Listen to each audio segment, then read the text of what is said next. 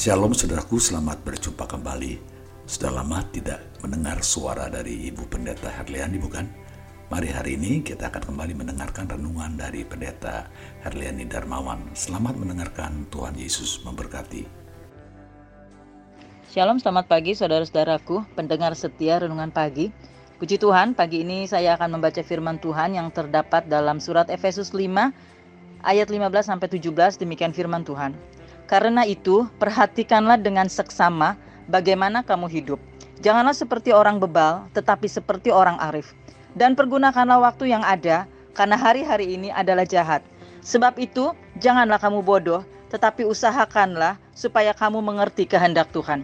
Saudaraku, firman Tuhan pagi ini saya akan beri judul progres atau kemajuan. Setiap orang pastilah merindukan kehidupannya mengalami kemajuan kemajuan dalam pekerjaan atau pelayanan, dan juga kemajuan dalam berkeluarga. Sama seperti pertumbuhan fisik kita, tidak akan ada satu orang pun yang akan mau terus menjadi seorang bayi yang tidak bisa melakukan banyak hal seperti yang dilakukan oleh orang-orang dewasa. Sebagai orang tua pun kita ingin anak-anak kita bertumbuh menjadi pribadi yang eh, mengalami satu kemajuan yang maksimal dan yang proporsional tentunya. Begitupun dengan Allah saudara, ia pun menghendaki anak-anaknya hidup mengalami kemajuan, mengalami pertumbuhan yang maksimal, tidak hidup biasa-biasa saja, tetapi mengalami progres yang betul-betul sesuai dengan keinginannya. Baik itu dalam kerohanian, juga dalam setiap aktivitas atau kehidupan kita sehari-hari. Lalu apa yang perlu untuk kita lakukan pada diri kita agar kita dapat mencapai progres yang baik dan maksimal dalam hidup yang kita jalani setiap hari? Saudaraku, kita perlu mengingat firman Tuhan ini dan pastinya kita harus lakukan apa yang menjadi kehendaknya. Apa sebenarnya yang Tuhan mau untuk kita perhatikan agar hidup kita ini ada progres, ada kemajuan. Perhatikan hidup kita, itu berarti perhatikan diri kita. Bagaimana caranya? Yang pertama, saya akan sampaikan yang pertama dulu dalam renungan ini. Kenalilah kelemahan-kelemahan yang ada pada diri kita sendiri. Coba kita cari, kita temukan, lalu kenalilah apa yang menjadi kekurangan diri kita, bukan kekurangan orang lain. Sebab Alkitab mengatakan perhatikan bagaimana kamu hidup. Kita punya hidup. Dan Alkitab mengatakan jangan seperti orang bebal yang keras hati, tidak mau berubah menjadi lebih baik walau sudah sering mendengar uh, mendengar mendengar teguran, mendengar pengajaran dan nasihat mereka, mereka tetap uh, tetap ada dalam kelemahan, mereka bangga dengan kekurangannya.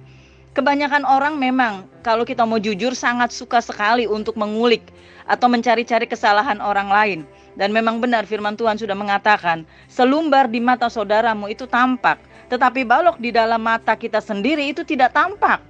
Jelas sekali kesalahan, kekurangan yang sangat kecil dari sesama kita itu sangat jelas terlihat oleh kita.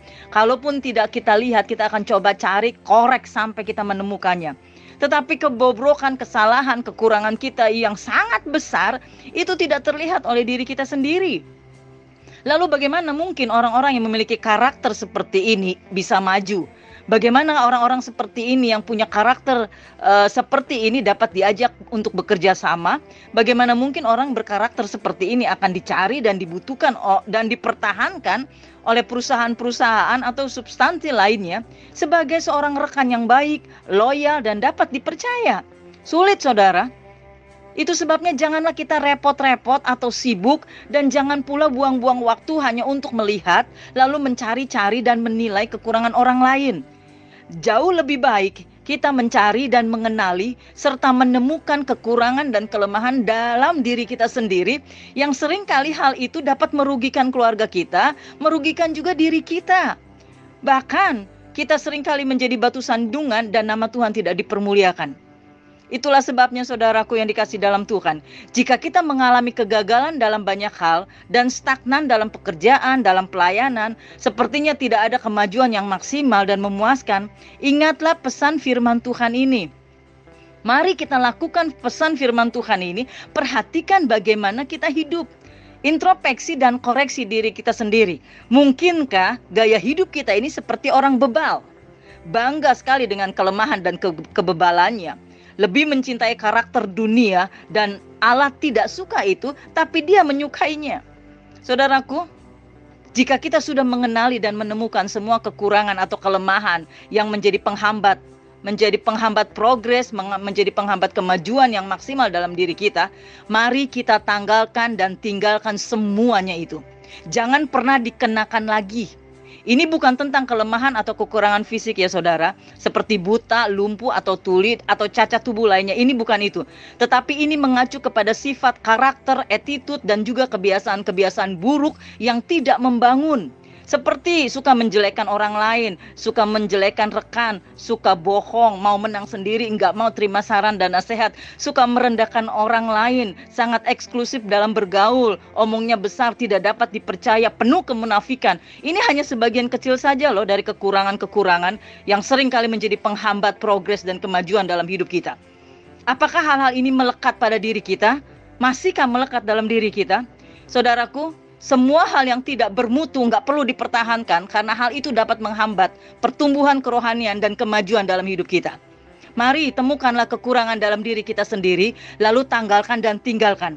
Kiranya kita akan menjalani hidup yang selalu mengalami progres, kemajuan yang maksimal, dan kiranya Tuhan juga akan membuat berhasil apa yang kita kerjakan. Amin. Tuhan Yesus memberkati.